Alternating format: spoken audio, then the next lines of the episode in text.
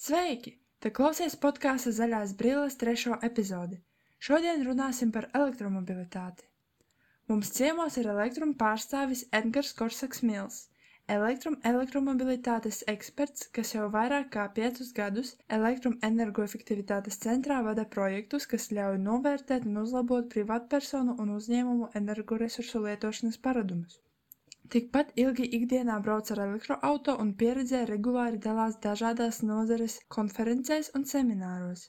Vairāku publikāciju autors par Eiropas likumdošanas aspektiem energoefektivitātes, elektromobilitātes un elektroauto uzlādes jomā.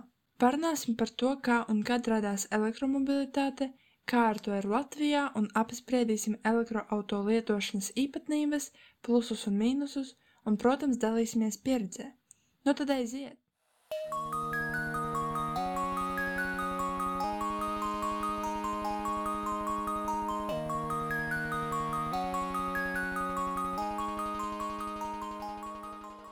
Sveiki! Mēs esam uh, no komandas Zaļās brilles, kas ir veidota uh, Future Heroes līderības programmas ietvaros. Un uh, šodien mēs jūs esam uzaicinājuši, lai uzzinātu par elektromobilitāti un šīm saistītām tēmām. Nu, Forši man sauc Edgars. Uh, ikdienā strādāju nu jau gandrīz sešus gadus elektroenergoefektivitātes centrā. Uh, pamatā veidoju risinājumus energoefektivitātes un tādām klimata lietām, kas ir saistītas ar IT un tehnoloģijām, skatoties, kā tehnoloģijas var izmantot, lai samazinātu enerģijas patēriņu gan biznesā, gan privātpersonām, gan katrā mājā, ko var darīt. Un, nu, gan jau, ka paši zinat, visas viedās tehnoloģijas, tas viss īstenībā ir ļoti mazs sākums tam visam. Ko var uh, darīt. Un, uh, un paralēli, jā, ikdienā jau piecus gadus braucu ar elektroautorātu, pats sāku braukt ar uh, pašu pirmo Latvijā reģistrēto, kas spēja nobraukt 50 km, un tad jau bija 10 stundas viņš jālādē. Tad nu, jau braucu jau ar jaunākas paudzes, un tad jau tā ir pavisam cita pieredze. Tādēļ arī nu, jā, toreiz vispār tā infrastruktūras nebija nekādas, tad šobrīd jau tas tīkls ir gana plašs, un nu, tā pieredze ir arī uzklājušās, un tās tendences jau arī būs, ka nākotnē tas būs arvien, arvien vairāk mums katram, un ne tikai elektroautorāta, bet skūteri, kāršēring un, un tam līdzīgi. Kā jūs vienkāršiem vārdiem teiktu, kas vispār ir elektromobilitāte? Um, pamatā es teiktu, ka tas ir, uh, tas ir pārvietošanās veids, kad mēs šo transporta līdzekli darbinam ar elektroenerģiju. Nu, kad mums nav vajadzīgs uh, fosīlais kurināmais. Kādi elektro, elektro vispār ierīces, ar ko pārvietoties šobrīd ir iespējams, neskaitot auto? Uh, nu jā, tas viss ir populārākais, bet īstenībā, ja skatās tā vēsturiski, pat elektroautorāta nebija tas pirmais uh, no transporta līdzekļu veidiem. Mēs zinām, tie skūteri, visi, kas šobrīd varbūt dēļ tehnoloģijām un tā, ka tā cena ir nokritusies lētāk, ir pieejama un stāv uz gandrīz katra stūra. Tāpat uh, visi skrituļu dēļ, kas arī bordi staigā un ir izmantojami ar visām elektrobaterijām apakšā. Šī vasarā novērojām arī motorolerus, arī tie ir sākuši parādīties. Un, un lai gan no varbūt malas tas izskatās, arī tie motocikli liela daļa ir, ir jau elektriski. Līdz ar to var teikt, principā, jebkurš transporta līdzeklis, kuram mēs varam nu, jau pielikt elektromotoru un bateriju un, un izmantot, un jābraukt daudz zaļāk. Un kā vispār aizsākās elektromobilitāte gan pasaulē, gan Latvijā? Um, nu, te ir tā, es skatos īstenībā vēsturiski, tad uh, pats sākums jau ir meklējums 19. gadsimtā, un īstenībā jau pirms iekšzemes dzinēja automašīnām bija elektroautomašīnas. Uh, toreiz, protams, uh, tas bija milzīgs lēciens salīdzinājumā ar zirgiem. Tad, protams, atnāca daži gadi, un iekšzemes dzinējs spēja jau, jau, jau nobraukt ar vien vairāk. Toreiz tās bateriju tehnoloģijas efektivitāte nebija tik liela, lai izkonkurētu. Un, uh, Un tajā brīdī elektroautorāta un vispār autotransports uzreiz pagāja malā no tādas biznesa un, un transporta dienas kārtības. Bet uh, šobrīd mēs redzam, ka klimats mainās, mainās tehnoloģijas. Un, nu jau jāsaka, pēdējie divi gadi ir tad, kad mēs atgriežamies pie tiem pirmsākumiem un saprotam, ka jā, tomēr laikam tās pirmās tehnoloģijas, kas toreiz vēl nebija, tad šobrīd viņas jau ir. Jau ir daudz interesantāks. Un tur var paskatīties atkal stāstu no malas, kad arī ap 1885. gadu toreiz tā bija.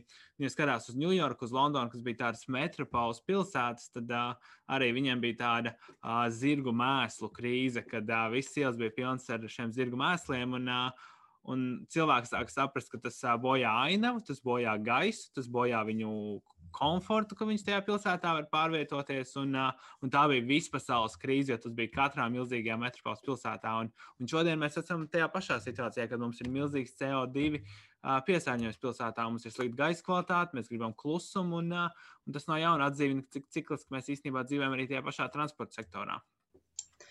Nu jā, nevisai forši arī tagad ir viss piesārņots. Un, nu, cik ekoloģisks ir tas elektrotransports, jo, nu, kā tās baterijas un, nu, tā visi tie ģeneratori, viņi taču arī pēc izmantošanas, viņi ir kā baterijas, viņas it kā nevar pārstrādāt, un ko ar viņām darīt. Mm -hmm. uh, jāsaka, ja skatās uh, uz tādu vispār to mobilitāti un, un to zaļumu, tad pirmkārt, nu jā, ja mēs tīri vienkārši salīdzinām, tad mēs pārvietojoties vai nu radām CO2 emisijas vai neradām CO2 emisijas. Šajā gadījumā pārvietojoties ar šiem elektriskajiem transporta līdzekļiem, mēs neradām CO2 papildus. Skaidrs, ka arī automašīnas saražošanā radīsies CO2, un, un tas būs līdzvērtīgs tam, kā ir iekšzemes dzinēja automašīnām. Nu, mašīnu uzbūvēt ir pavisam vienkārši. Nu, līdzīgi arī šis Eiropas zaļais kurs, kas saka, ka mēs līdz 2050. gadam sasniegsim klimata neutralitāti, kas nenozīmē, ka mēs neražosim CO2. Tas nozīmē, ka mēs spēsim absorbēt visu lieki patērēto. Līdzīgi arī ar pārstrādi, skatās uz, tādu, uz tām elektriskajām baterijām, tad viens virziens ir Eiropā skatoties. Uh, kad arvien vairāk arī Eiropa pati skatās, gan investējot vietējos ražotājos. Nākošajā tādā desmitgadē Eiropa iedos gandrīz 700 miljardus eiro, lai Eiropā attīstītu savas bateriju ražotnes, un, un lai mēs nebūtu atkarīgi no Ķīnas un, un pārējām šīm Azijas valstīm, kurām mēs īsti nevaram tādā politiskā līmenī ietekmēt šo, šo, šīs prasības pret nezinu, tīrāku bateriju pārstrādi. Bet, uh, bet ir tā otra lieta, ka tās baterijas ir attīstījušās, un, ja kādreiz tiešām beidzās baterija, mēs viņu metām ārā, tad šobrīd katra tā, nu, katrā mūsu tālrunī tā baterija, kas mums ir izveidota, viņi sastāv no daudz mazām šūnām. Un, principā, īstenībā tā viena šūna tiklīdz beidz darboties vai nolietojās, mēs varam to vienu šūnu apmainīt un turpināt lietot. Līdz ar to mēs īstenībā visu bateriju nepārstrādājam. Mēs varam jau izmantot tikai to, um, to vienu šūnu, kas ir bijusi konkrētajā gadījumā nederīga. Uh, otrs, protams, ir, ka šīs baterijas un tehnoloģijas ir tik attīstītas, ka viņas var pēc tam izmantot citās uh, nozarēs. Un, uh, un tas, ko var redzēt gan no Eiropas komisijas un, uh, un tādiem parastiem cilvēkiem, ka daudzi gaida, ka šīs pirmās paudzes, nu, piemēram, elektromašīnas, kas tur 2010. un 2011 kad viņas beigs uh, savu dzīves ciklu, jo ir cilvēki, kas ir gatavi viņas iepirkt un izmantot tālāk. Nu, piemēram, tur, ja mēs uzliekam saules paneli uz jumta, tad, uh, mēs varam šādu bateriju ielikt mājās un uzkrāt šo enerģiju. Un tas būs krietni lētāk nekā šobrīd pirkt bateriju tehnoloģijas. Nu, līdz ar to nu, tā, skaidrs, ka kaut kādā ziņā tas uh, radīs CO2 emisijas arī pārstrādes ziņā, bet uh, tās tehnoloģijas ir tik daudz, ka man šķiet, pēc šī cikla viņām būs vēl ar vien vairāk pielietojumu, kā līdz viņas nonāks līdz tādai tiešām pārstrādei. Nu jā, no tā CO2 mēs tik viegli netiksim vaļā. Un, nu, tā kā tas viss Eiropas zaļais plāns, eh, kurs, un tad es dzirdēju, ka arī Volvo grib līdz 30. gadam pilnīgi pāriet uz elektromašīnu ražošanu. Bet vai tas tik ātri vispār ir iespējams tādas lielas izmaiņas veikt? Um, nu jā, jāsaka, te ir jāskatās. Uh tagad ir, principā, gandrīz katrs lielais autoražotājs ir paziņojis, ka līdz 2025. gadam, tad četru gadu laikā izdos kādu elektroautorātu. Nu, ja skatāmies uz tādu statistiku, tad uh, 2012. gadā bija kādi 4-5 modeļi, tikai ko ar elektroautorātu varēja nopirkt. Tad šogad to modeļu klāsts jau sasniedz gandrīz 150. Un, uh, un tās tendences ar katru gadu ir gandrīz dubultojas tas, uh, tas modeļu skaits. Uh, nu jā, no vienas puses. Uh, ir jautājums par pirktspēju, cik, cik, cik tas ir lēti pret, piemēram, to pašu iekšzemes dzinēju automašīnu. Nu, no otras puses, atkal tie Eiropas lēmumi un visa tā klimata lieta. Nu, stimulē. Un, Un tas stimulē ne tikai mums, kā parastiem cilvēkiem, to visu pirkt, bet tas stimulē arī ražotājus un tiem, kas taisa.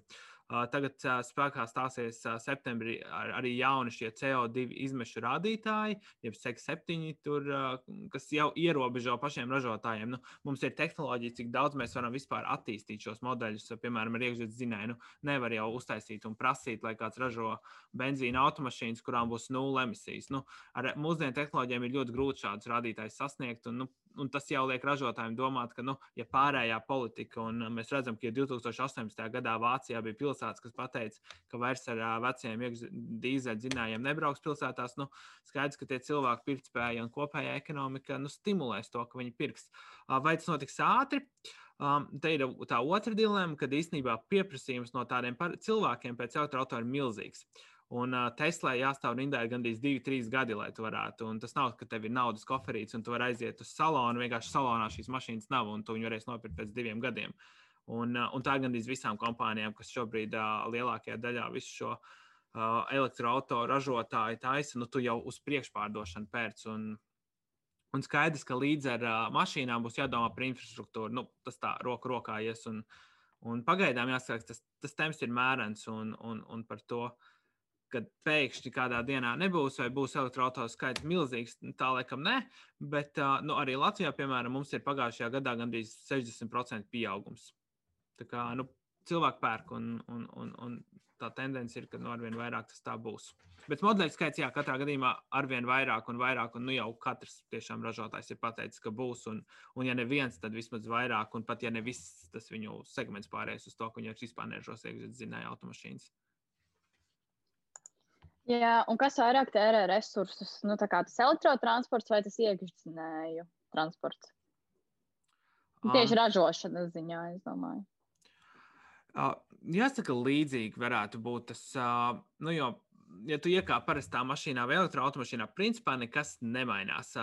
Tāpat tas ir moderns maš, automašīna ar, ar planšetdatoru, ar mazu patēriņu, ar visiem gadgetiem un iespēju ar mobilo tālruni atslēgt, uzsildīt un tam līdzīgi. Nu, un tad ir tie daži elektroautorāta bonusi, mazāks, mazāk detaļas var salūst, nu, varbūt arī ražošanā līdz ar to ir mazāk, kas jāražo attiecībā pret iekšzemes zināju. Nu, nu, tās tehnoloģijas visur jau IT liek iekšā, neatkarīgi no tā, kāds, kāds modelis tas ir.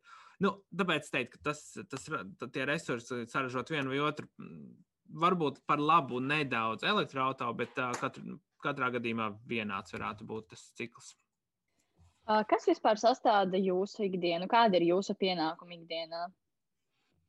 Uh, nu jā, pamatā, pamatā veidoju un vadu projektus, uh, kā jau minēju, tehnoloģiju projekts, kas uh, ir piemēram, ļauj salīdzināt mājokļu patēriņus savā starpā dažādām maisaimniecībām, ļauj uzņēmumiem apgūt dažādas mācības vai, vai imitēt situācijas, kā viņš rīkosties, var, uzlabojot savus rūpnīcas energoresursu patēriņu un veicot kaut kādas investīcijas vai uh, vai zaļināšanas pasākums, cik ātrā laikā tas uh, attīstīsies. Un šādi dažādi kalkulatori. Ja skatāmies uz elektroautorātu, tad uh, skatāmies viens, kā uzlādes tīkls attīstās, kāda vispār ir eksploatācijas pieredze, pats arī braucu un kopā ar dīleriem ražojam, skatāmies un, un pētām, kā pašas mašīnas uzvedās. Nu, šobrīd jāsaka, jo ar vairāk, vairāk mašīnu, jo ir grūtāk ikdienā braukt katru dienu pie dīlerā, ņemt kādu mašīnu vai nu, pārdienas reizi un testēt to visu. Bet, uh, skatīties, cik uzlādes tīkls ir pieejams, cik daudz var aizbraukt, cik, piemēram, šādos mīnus 18 grādos, kad mums uh, sola varēs ļoti tālu aizbraukt, un cik patiesībā var aizbraukt, cik ātrs ir uzlādes. Un, nu, tādas ikdienas lietas, ko, ko parastam cilvēkam ir vērts zināt, ja viņš nāk un konsultējas, un viņu interesē šie jautājumi. Jo, nu, skaidrs, ja tu esi no nulles šajā visā iekšā, tad nu, tie jautājumi ir daudz, un ir vērts, ka ir, ir kāds, kas tev var to pateikt pretī. Kādu auto jūs tieši braucat elektronikā? Šobrīd es braucu ar Nissan Leaf 2018. Wow. gada. Jā, man tieši ģimene decembrī nopirka tādu pašu mašīnu. Mēs arī šobrīd pār, pārgājām uz šo mašīnu. Mēs tiešām esam ļoti apmierināti. Nu, mašīna ir tiešām laba manuprāt. Nu, arī nu, tā uzlāde nu, ir tā, ka mēs, piemēram, izbraucam tur to dienu, ja tur vecākiem ir darbs, piemēram, Rīgā vai tur um, jāvedā brauc uz treniņu, tad viņi, protams, ir vakarā jālādē, bet, manuprāt, ļoti kā, izdevīga mašīna tieši priekš tā, kad mēs tā kā daudz braukājam, un tad vismaz nav tie izdevumi mēnesī priekš degvielas tik lieli. Uh, nu, nu, kāds saka, īstenībā elektroautorāta ļoti maina domāšanu. Jau man liekas, pašā pamatā ir vispār tas klimatiskais un, un efektivitāte maina, tad arī elektroautorāta. Uh, kā es pats saskāros savā pieredzē, es aizbraucu ceļojumā uz Islandi. Un, kad tu kādu laiku nobraucis ar elektroautorātu, un tad tu paņem benzīna mašīnu, tad, protams, tā sajūta ir tāda, ka tev tik līdz pusē bāka, tad tev jādodas lādēties. Ir, bet tu vari aizmirst, tad tur vēl 200-300 km mierīgi nobrauc savu benzīna mašīnu. Uh, otrs, nu, šeit ir tas tāds, ka prasās arvien vairāk attīstīt uzlādes tīklu. Nu, ja mums ir ļoti labi attīstīts ātrais uzlādes tīkls, tad tas lēnais un vidējais tādā piepilsētā ir diezgan, diezgan ierobežots. Tu pati lādējies, tev ir privāti mājā, tu dzīvo. Jā, mums ir garažā uzstādīts, bet uh, mēs arī, piemēram, Jālgavā, nu, mēs tā kā dzīvojam Dobelē, un mums Jālgavā ir uh, arī ātrā uzlāde un parastā uzlāde. Nu, mēs vienmēr, protams, izmantojam to ātrā uzlādi, kad mēs esam izbraukuši ārpusē no mājas. Nu jā, un, un tas, tas maina to. Tā, tā, tā pirmā doma, protams, benzīna mašīnā ir aizbraukt uz benzīna tanku, iepildies, un tad tu kādu laiku vari mierīgi nedomājot. Nu, jā, elektroautorā, ka tu domā jau kādā brīdī, kur, ja, kur tu vari pieviest rozeti un palādēties un visu laiku uzturēt to, lai tas būtu. Un, nu, jā, tavā gadījumā ir vienkārši tas, tā ir privāta māja, tad tu vari tiešām piesprāst. Nu, izaicinājums ir tai lielajai daļai, kas dzīvo daudz dzīvokļu mājās. Un, un, un tā būs Latvijas nākošo, nākošo piecu gadu lielais jautājums, kā to visu vispār sakārtot. Un vispār daudz tādu projektu, kuri domā nu, kā, par personīgo elektrotransportu. Varbūt ir arī kaut kādi projekti, kuri uh, skatās tieši uz to uh, sabiedrisko transportu, kurš varētu būt kaut kā vai hibrīds vai, vai vienkārši tikai elektro? Uh, nu, ir tā, ka šobrīd, ja skatās, tad uh, hibrīds ir nākošais solis. Uh, nu, nu, ja tu gribi pārkāpt no, no benzīna mašīnas uz elektroautorātu, nu, bet tā, tas, tā robeža nav tik liela, lai tu izvēlētos vienu vai otru risinājumu, tad drīzāk tieši tā, nu, cik daudz uh, ikdienā tu brauc. Nu, ja tev ir, nu, jā, manā gadījumā, pierīga un, un jūrmala, kad Kristiāna teica, ka viņa ir Jēlgava, Dobela un tas rajons, nu, ja mēs ikdienā strādājam Rīgā un dzīvojam Liepājā, kas šķietam ir liels attālums, nu, īstenībā divas stundas brauciens arī nav varbūt tik liels, bet, nu, tajā brīdī elektroautorā vairs nav īsti efektīvs. Nu, ar šo brīdējām, nu, ja mums ikdienā būtu jābrauc, jālādējas pa ceļam, nu, iespējams, nu, tas nav tas labākais veids. Uh, ja par mobilitāti kopā domā, tad es teiktu, drīzāk Eiropa un, un pasaule kopā iet uz vispār atteikšanos no transporta tādā pilsētvidē. Tur būtu jābūt sakārtotam sabiedriskajam transportam un, un šiem šie auto un, un citi transporta pieslēguma punkti jāveido ap pilsētas pierobežu. Nu, tad man liekas, tie ir loģiski būtu, vai ne, ka mums ir, piemēram, tas pats elektroautorāts, mēs aizbraucam līdz Rīgas, piemēram, robežai, atstājam viņu stāvlaukumā lādēties, iekāpjam sak sakārtotā sabiedriskajā transportā, nonākam, kur mēs gribam.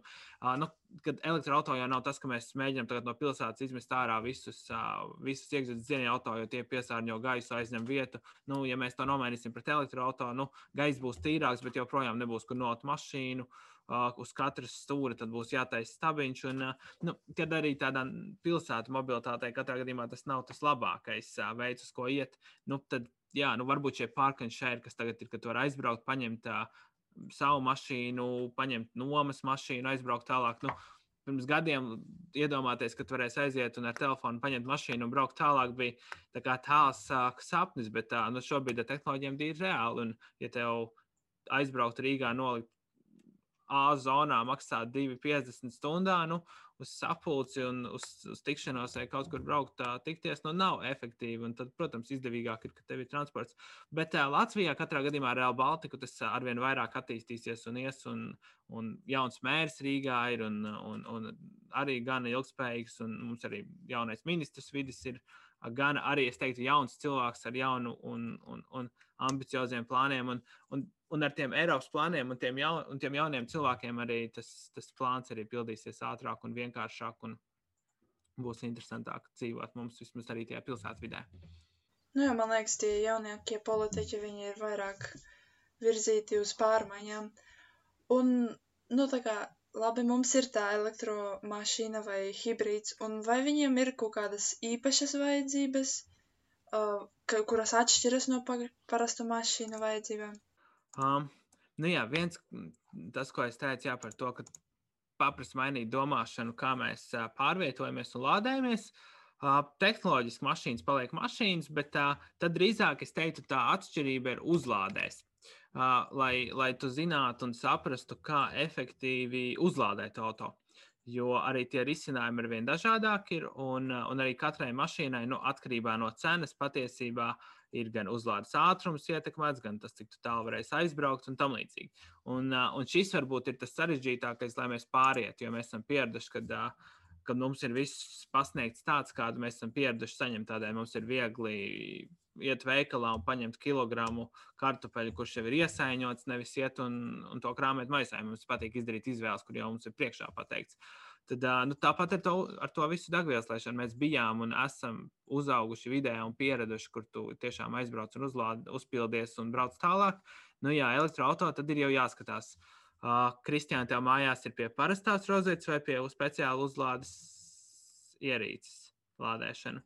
Mm, es domāju, ka nav pie parastās rozetes, jo mums brauca viņu paši uzstādīt tie, kas mums tā kā to mašīnu iet, nu, kur mēs nopirkām, tur viņi paši brauca ar kaut kādu tur aparatūru un stādīja tur virsū. Bet es zinu, kad mēs braucām izbraucienā ar ģimeni uz. Uh, uz vestienu, un uh, mēs palikām tā kā viesumājā. Un mums bija izlādējusies mašīna, un mēs negribējām tā kā tālu braukt, lai uzlādētu, un tāpēc mēs piesprādām pie parastās rozetes. Viņi 12 stundās uzlādēja maksimums 20% vai 30%, kas mums bija tā kā šoks, jo mēs īstenībā to nezinājām. Mēs tikai nezinājām, uz ko cerēt. Mums uzlādējās tik maz, un mums bija bijis tāds šoks, jo mēs domājām, nu ko darīt, vai mēs vispār izvilksim tur, kur mums ir jābrauc. Nu, lūk, nu, tas ir tas viens no tādiem mītiem, par ko varbūt kādā, kādā iepriekšējā visā tajā elektroautorāta attīstības paudzē runāja, bija, ka, nu, jā, ka tu vari piesprāst pie parastās uzlādes un naktas laikā uzlādēt. Nu, jā, nu, arī, jo lielāks ir baterijas, jo vairāk to vairs nevar izdarīt. Un, un, un man liekas, tas ir svarīgi arī cilvēkiem stāstīt. Uh, Un, nu jā, lai, lai nebūtu šādas situācijas, jāsaprot, kurš risinājums ir labāks. Un tā atšķirība ir tā, ka elektro, ja benzīna mašīnas gadījumā mēs ielējam vienu benzīnu un viss ir kārtībā, tad pie elektroautorā ir jāsaprot, mē, cik mēs ātri no parastās kontaktligzdas uh, uzlādēsimies. Un tur mums ir piemēram 3,6 kW tikai. Nu, tad mēs varam rēķināt, ja mums ir. Uh, 10 stundas, kad naktī lādē šis auto, tad 36 kW ielādēs. Nu, ja mašīna ir 100 kW, tā ir viena trešā īstenībā naktas laikā. Uh, nu, ja, ja ir mazāk akumulātoru, tad, protams, ar to var pietikt. Uh, bet nu, arī īstenībā, cik bieži mums, piemēram, dienas laikā var vajadzēt ātrāk uzlādēt, un ja nav šāda risinājuma, tad, uh, tad ir jādomā. Uh, nu, jā, tā ir viena lieta, kas, uh, kas to visu ietekmē.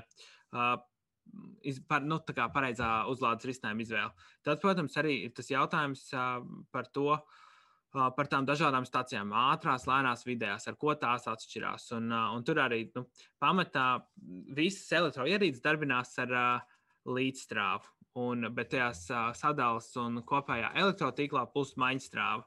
Un šo maņstrāvu uz līdzstrāvu kaut kam ir jāpārveido. Un elektroautorāta gadījumā arī tie ir vairāki risinājumi, un, un tie tieši ietekmē to, cik ātri mēs uzlādēsimies. Nu, piemēram, mājoklī, tad jā, nu, uh, Mēs piebraucam, mums plūst tā pamatā šie elektrotīklā maistrāve, tad ja katrā elektroautorā ir iebūvēta spe, speciāla lādēšanas iekārta, kas pārveido maistrāvu no līdzstrāvu. Bet nu, tā ir ierobežota. Nu, pat ja mums plūst vairāk, nu, cik, cik ir tehniski iespējams, tik ātri viņš spēj pārveidot. Uh, Līdzīgi ir mēs, piemēram, varam uzstādīt, ja tā Kristāna teica, ir tādi wallboxi, jeb uzlādes kastes, ko var pielikt. Un, tā priekšrocība ir tā, ka tā spēj izmantot visa mājokļa jaudu, kāda ir elektrības, un, un lādēt elektroautorātu vairāk un ātrāk. Bet arī šajā gadījumā tas ierobežojums ir tajā, cik daudz šo maistrāvu un līdzstrāvu var pārveidot pats šis autoakumulators. Nu, kas atkal tādam parastam cilvēkam nozīmē, ka tev ir nav vērts uzstādīt visdārgāko un jaudīgāko šo uzlādes iekārtu un pievilkt mājās milzīgu kabeli, kurš tev to jaudu nodrošinās. Ja tavs auto vienkārši to nespēja apstrādāt un uzņemt pretī, tad tas ir neefektīva investīcija. Ātrijās uzlādēs, jā, nu, tur tāpat lielā uzlādes kaste darbojās. Vēl kas atšķirīgs, protams, tā bateriju dzēsēšana. Nu, karstā braucam ar benzīnu mašīnu, nu, braucam neatkarīgi no tā, kāda ir laika apstākļi. Nu, kaut kādā ziņā tas patēriņu ietekmē, bet uh, katrā gadījumā nebūtiski.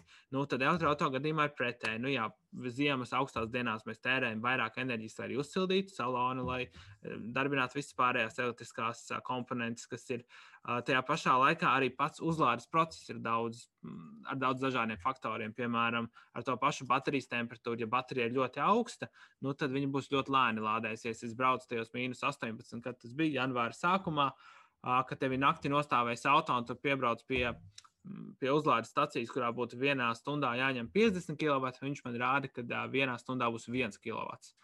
Nu, tad es varu diennaktīm gaidīt, kamēr kaut kas uzlādēsies. Un uh, ir vajadzīgs nobraukt gandrīz 100-150 km, lai, lai tā baterija būtu uzsilusi. Uh, nu, tur atkal ir priekšrocība, ka elektroautorātu var uzlādēt un uh, mājās jau pilnu un pielikt pie rozetes, un lai viņš tur septiņos no rīta ir gatavs un silts. Uh, un tas ir no plānošanas. Otrs, atkal vasarā skatīties, kad baterijas ļoti karstas, un tad ir svarīgi, lai būtu dzēsēšana. Un tur arī piebraucam ātrās uzlādes stācijā, baterija krietni sakarstīs, un tad ir jau jāspēj domāt un izvērtēt, vai mēs tiešām lādējam ātri un ļoti pilnu, vai labāk pa maziem posmiem braukt uz priekšu. Un tad es teiktu, nu, tā, tā ir tā domāšana, ka katrā situācijā ir jāpielāgo un jāsaprot. Ja tā lielā bilde būs skaidra, tad jau tā pārvietošanās ir vienkārši, nu, nekas sarežģīts. Bet, uh, Bet, nu, jā, neatsaukties varbūt uz tādu neīsto informāciju, kad uh, mēs domājam, ka tas ir vienkārši. Nu, arī vienkārši tas nav. Nu, ir atkal no jauna kaut kas jāiemācās. Kā būtu, piemēram, ja tā kā grib kaut kādos garākos ceļojumos braukt ar uh, elektroautorātu un kā, piemēram, pa kaut kādiem laukiem? Un ka tur zina, ka nebūs tie kaut kādas uzlādes vietas vai iespējas. Kā tā kā, ja, piemēram, ja paliek uz ceļa mašīna, ko darīt tādā situācijā? Um, Kristēni, jūs esat nobraukuši, kas notiek zem nulles? Nē, mums ir bijis tā, ka mums ir 5%, bet tad jau mēs esam jau pārbijušies, ka tūlīt viss beigsies un mēs paliksim. Um, man arī bija pirmā bažas, un tad mēs patestējām, tas, kas notiek, ja brauc tālāk. Uh, arī tāpat kā benzīna mašīnām ir rezerve. Un uh, cik nu es ar līfu uh, notestēju, man ir 40 kWh, uh, varēja nobraukt aptuveni 20 km vēl. Uh, nu, ka katrām, nu, tā nav labākā lieta palaist zem nulītes un, uh, un braukt, bet katrā gadījumā ir paredzēta rezerve. Uh, par, tam, par to ceļošanu, tas uzlādes tīkls kopumā ir sakārtots. Uh, ātrajās uzlādēs katrā gadījumā šobrīd Eiropā ir 200 tūkstoši ātrās uzlādes stacijas. Un Eiropas zaļais kurs ir pateicis, ka līdz 2025. gadam ir jābūt vienam miljonam uzlādes punktu nu, tas nozīmē četras reizes vairāk. Savukārt jau līdz 30. gadam ir jābūt 2,8 miljoniem. Tas nozīmē, ka tās jau ir 14 reizes vairāk. Un, un, lai gan liekas, ka tie 30, cik tas ir 10, 9 gadi, kas ir atlikuši, ir, ir salīdzinoši maz, bet tās ir milzīgas infrastruktūras ar izbūves. Un, un, ja es teiktu, arī ar 200 tūkstošiem var mierīgi braukt, varbūt ne ar pašiem mazākiem elektroautorāta akumulatoriem. Nu, uh, bija kāda laika atpakaļ saruna un diskusija, ko tas nozīmē braukt un kā ir ērti jāpārvietojas. Nu, ja tev ir elektroautorāta un tev ir jābrauc tālākā ceļojumā, ir izdevīgi kaut vai latviešiem tipiski noīrēt lielu džipu, benzīnu un braukt ar džipu turieni kādā ceļojumā. Jo katrā gadījumā ikdienas uzturēšana un ikdienas pārvietošanās radīs, šī gadījumā tu būsi zaļš, tu neradīsi tās CO2 emisijas, bet tev nav jā, jākļūst neefektīvam vai jāsamazina savs komforts. Nu, jā, braukt uz Franciju ar elektroautorātu, ja tas ir tavs hobijs un interesi un vēlme ar to darboties, droši, un tas būs lētāk, iespējams, bet, nu, ja, bet komforts katrā gadījumā būs. Tev jārēķina uzlāde ik pēc noteiktiem kilometriem, baterijas sakarsīs un, un tam līdzīgi. Nu, nu, tas varbūt par tiem tādām vienkāršām mašīnām. Protams, ja tev ir Tesla, Audi e-trons, Jaguars un, un citas prēmijas klases mašīnas, tas ir atkal cits stāsts. Tur, protams, ja ražotājs ir padomājis, lai tas būtu arī komfortabls brauciens. Bet uh, katrā gadījumā mierīgi var ceļot Latvijā. Nu, jau ir līdz gada beigām būs vairāk kā 250 pieslēgu vietas uz galvenajiem punktiem. Ik pēc 30 km senāk ir ātrās uzlādes punkts, kāds CSDD. Un, nu, tad, jā, nu, ja, nu, grūti ir atrast īstenībā šobrīd vairs reģionu, kur tiešām var aizbraukt un nevar atrasties, kur uzlādēt. Ja nu tā ir, tad ir labā lieta, ka jebkurā mājoklī ir pieejama uzlāde. Un ilgāk vai lēnāk, bet kaut ko var uzlādēt. un uz priekšu tiks.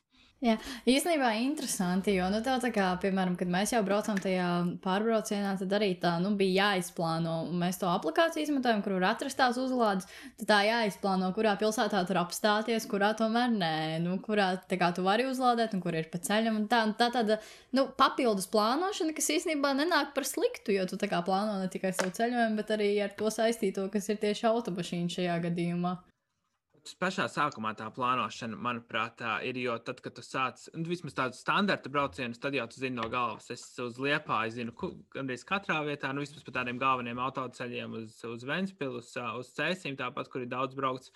Un tad jau iemācīties ātri no galvas. Tas, ka nu, pievērs uzmanību, kur papildus lādēties, jā. Uh, Protams, tādā pilsētvidē un citur braukt ir varbūt arī savas priekšrocības, kā es braucu uz Cēzu pilsētas svētkiem pagājušajā gadā, kad visas automašīnas vietas ir aizņemtas, un, un tieši pilsētas centrā, tur, kur var lādēt elektroautorātu, nav aizņemts. Un tad es ieguvējis no tā, un tu piesprādies, un pārējai pāri ielai, un es esmu svētku epicentrā.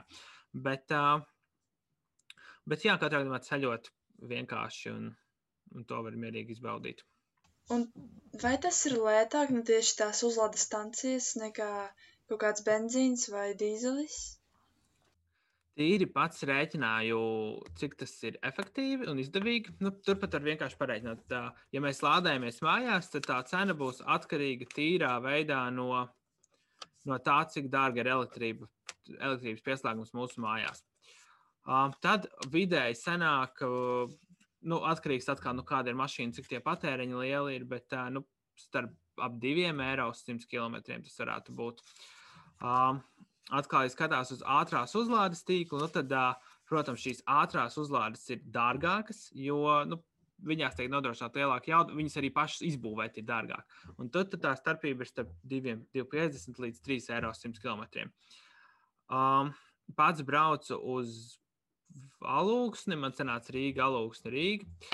Un uh, man tas viss brauciens kopā izmaksāja um, ap nepilniem 3 līdz 4 eiro. Nu, tur atkarīgs no skatoties, kāds ir tas, uh, tas uzlādes ātrums. Un, ja salīdzinu to pašu ekvivalentu pret iekšzemes dzinēju automašīnu, tad tie var būt pat 20 eiro. Atkarībā no tā, nu, tās 4-5 reizes lētāk nekā nekā, nekā benzīna mašīnas. Tas ir vasarā. Nu, protams, ziemā tas balans krītās, bet nu, tādā 2-3 uh, uh, reižu robežā tas turās. Nu, tīri tikai pārvietošanās, un, un tad ir klāt, jā, nu, tās visas tehniskās lietas, kas tev elektroautorā nav vajadzīgas, un, un nerada nu, kaut vai tā pati apkope un, un, un iespēja, ka tas salūzīs. Nu jā, mēs tieši izreikinājām ar vecākiem, kad uh, mēs iepriekš braukājām. Mums ar dīzeli bija tā, ka uh, mums bija, man liekas, ap 500 eiro mēnesī izgāja tieši degvielai tikai. Un ar šo mašīnu šobrīd braucot apmēram tikpat daudz, mums ir izgājis maksimums 150, 160 eiro ar uzlādi. Tā kā tas tieši priekš mūža ģimenes ir ļoti izdevīgi. Un, tā kā tiešām mēs esam tādā šokā, ka tas tā ir, jo nu, tā ir tie, diezgan liela atšķirība kā ļoti tāds ieguldījums liels. Un šobrīd ar vien vairāk arī cilvēki skatās, piemēram, uz tiem pašiem saules paneļiem. Tie visi kļūst ar vien pieejamāki, vienkāršāk ir mājas, kas, nu, vismaz es jūrmalā un, un, un, un vēl par braucot tieši varbūt reģionālajiem pusēm var redzēt, ir uzlikts saules panelis.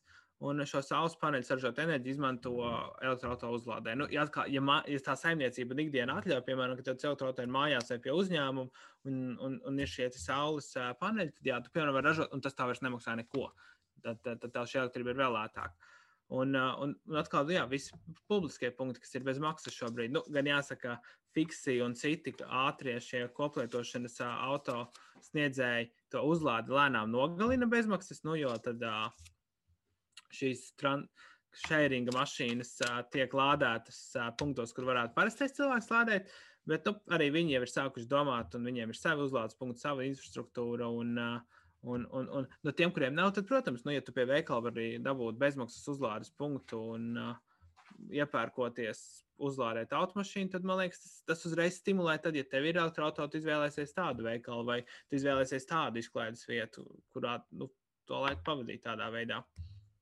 Kā vispār uh, cilvēki vērtē šo elektromašīnu izmantošanu? Ir kaut kādi pētījumi veikti, kā vispār cilvēki paši pēc savas pieredzes to vērtē?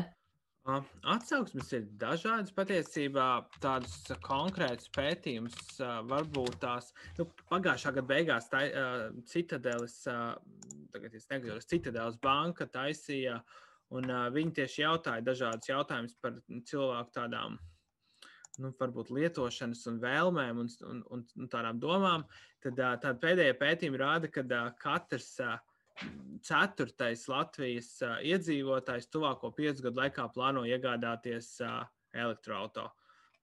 Nu, tā kopējā vēlme un interese nepārtraukti uzlabojas. Nu, gan Latvijā, gan nu, vispār pasaulē kopumā, bet arvien mazāk varbūt pirmkārt jau tehnoloģijas attīstās, kļūst lētākas pašas automašīnas, un, un mēs arvien vairāk sākam izglītoties. Nu, ja mums valstī ir simts automašīnas, un tas ir pilnīgi jauns, un tas ir nišas produkts, nu, ar visiem tiem pārējiem stimuliem un pārējo, nu, tas viss arvien vairāk veicina. Bet, bet būs pētījumi katrā gadījumā, ja es tagad uzreiz nevaru nosaukt, tad īstenībā pieļauju, ka arvien vairāk būs, jo nu, tas ir tas, uz, būs vajadzīgi gan valstī, gan politiski dati, uz kā balstīt visus iepirkumus un, un, un, un, un tos uzlādes plānus.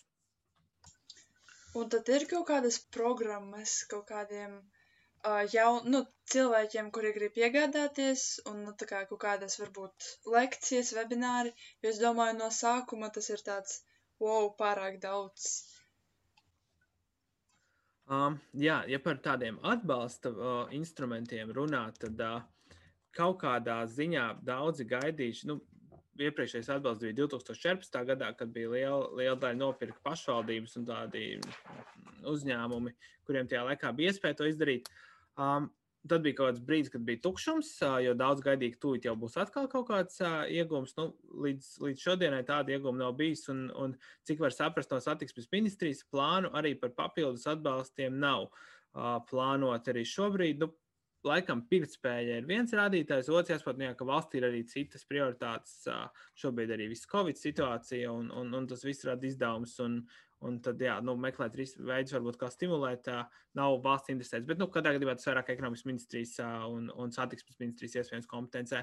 Atkal jaunais varam ministrs Toms teica, ka iespējams būs gaidāms kaut kāds atbalsts. Nu, Katrā gadījumā nevajadzētu paļauties, ka būs atbalsts, kā tas ir piemēram kaimiņu valstīs, bet, bet tās cenas un tehnoloģijas stimulē, ka tas tāpat ir izdevīgi. Jā, nu, jā, laikam ir vienkārši jāprēķina, cik ātrā laikā tev tas atmaksāsies. Ja par webināriem un informāciju, tad gana bieži patiesībā tiek rīkots, un, un gana daudz raksti arī pats rakstu diezgan daudz publikācijas dažādos žurnālos un, un, un, un mēdījos skaidroju, kā, kā veidot un ņemt vērā tos kritērijus. Otrs, protams, dīleri aiziet arī tad, kad mēs gribam pie dīlera kaut ko pirkt, nu, pajautājam un noskaidrojam, lai nesenāk tā kā senāts Paulam Timrotam. Uh, brauca uz liepāju un neaizbrauca, jo nesaprata, kuru kabeli kurā vietā vajag piesprāst. Un, un tad bija interesants raidījums, bet vai saturs bija par labu Paulam vai nē. Nu, varbūt ir vērts pajautāt, kuru stepseli, kurā brīdī mašīnā ir jāiesprāž, lai tas būtu efektīvi. Uh, Arī mēs rīkojam pa laikam webinārus energoefektivitātes centrā. Tuvākais par elektrotransportu būs māja beigās. Tad mēs tieši skatīsimies un runāsim par to, kā vispār un cik strauji mobilitāte ienāk mūsu sabiedrībā. Un ne tikai par elektroautorātu, bet tā, tā skaitā, piemēram, pilsētā, cik ātri mums būs sabiedriskais transports, būs, būs elektrisks, kurā brīdī mums būs skūteri un, un viss šīs lietas. Un, Nu jā, katrā gadījumā var meklēt arī, arī pie mums. Esmu efektīvs.CLV mājaslapā. Tur gan jau var atrast tā uh, tāgu elektromobilitāti un, un tad izvēlēties īstenībā kādu rakstu pastīties. Un, un galvenais meklēt un interesēties pašam. Un tās informācijas šobrīd ir gan, nu, ja angļu valodā ļoti daudz, tad nu, jau jāsaka arī latviešu valodā ļoti daudz un plaši un skaidri. Un, Tieši vēl gribēju piebilst ātri. Tieši tagad izgāju autoskolu, un mums tieši lektore, instruktore teica, nu es jau domāju, ka jūs visi tagad pāriesiet, kad dabūsiet savas tiesības, gribēsiet pirkt elektroautorātu, jo tas ir visizdevīgākais. Es tajā brīdī iedomājos, nu īstenībā jau tas ir izdevīgākais. Nu, ja tā skatās, nu, manuprāt, viņi nemaz neteica netaisnību. Tā cenu paritāte ir gaidāma, kad, nu, kad iekšzemes dzinējs ar elektroautobusu vienādā cenā ap 2024. 5. gadu īstenībā, kas ir nu, teju te patās, un, un, un nu, būs arvien vairāk modeļu pieprasījums. Un, un tad jau kāpēc nepirkt pirmo mašīnu vai elektrisko? Es tieši biju censties. dažas nedēļas atpakaļ ā, arī ar jaunām elektroautoriem, kad uh, par rezentēju stāstīju, tad īstenībā dīleri ļoti, ļoti interesantu metodi ir atraduši, kā skaidrot to, to iegūmu cilvēkam. Nu, ja mums uh, nu, liela daļa Latvijas nepērk elektroautoriju uh, uzreiz vienā maksājumā, bet uh, nu, tu viņam līzingā. Un, uh, ir tā, ja tev, protams, līzinga maksājuma starpība starp elektroautorātu un parasto iekšzemes dzinēju auto ir, nu, piemēram, 150 eiro, kas liekas, nu, ok, maksāt par 150 eiro vairāk par līzingu. Katrā gadījumā jāvērt atsevišķi, bet, uh, ja tu dzīvo Rīgas centrā, tev ir jāmaksā par autostāvvietām. Un, uh, un tad 100 eiro, ko tu pēc tam nemaksā stāvvietās, īstenībā ļoti ātri atver atpakaļ. Un, Un arī šādā griezumā tas ir rēķināms. Un ne tikai nu jā, par visām eksploatācijas izmaksām, ko jau mēs runājam, tas daudz, daudz vēl lētāk. Jā, paldies jums liels, ka jūs atsaucāties un piekritāt piedalīties šajā sarunā. Mums bija ļoti, ļoti prieks ar jums parunāt. Cerams, ka jums arī patika. Jā, tiešām interesanti bija, jo, manuprāt, šī ir tēma, kas šobrīd eh, paliek ar vien aktuālāka, un tā aizskar īstenībā jebkuru, manuprāt, jo daudzi cilvēki, cik man ir apkārt, ir plānojuši tieši pāriet uz elektroautorātu, un, manuprāt, tas tieši varētu būt, būt kaut kāds pluss un ieguvums cilvēkiem, ka viņi varētu paklausīties un dzirdēt arī kādu eksperta viedokli. Tā kā paldies jums liels!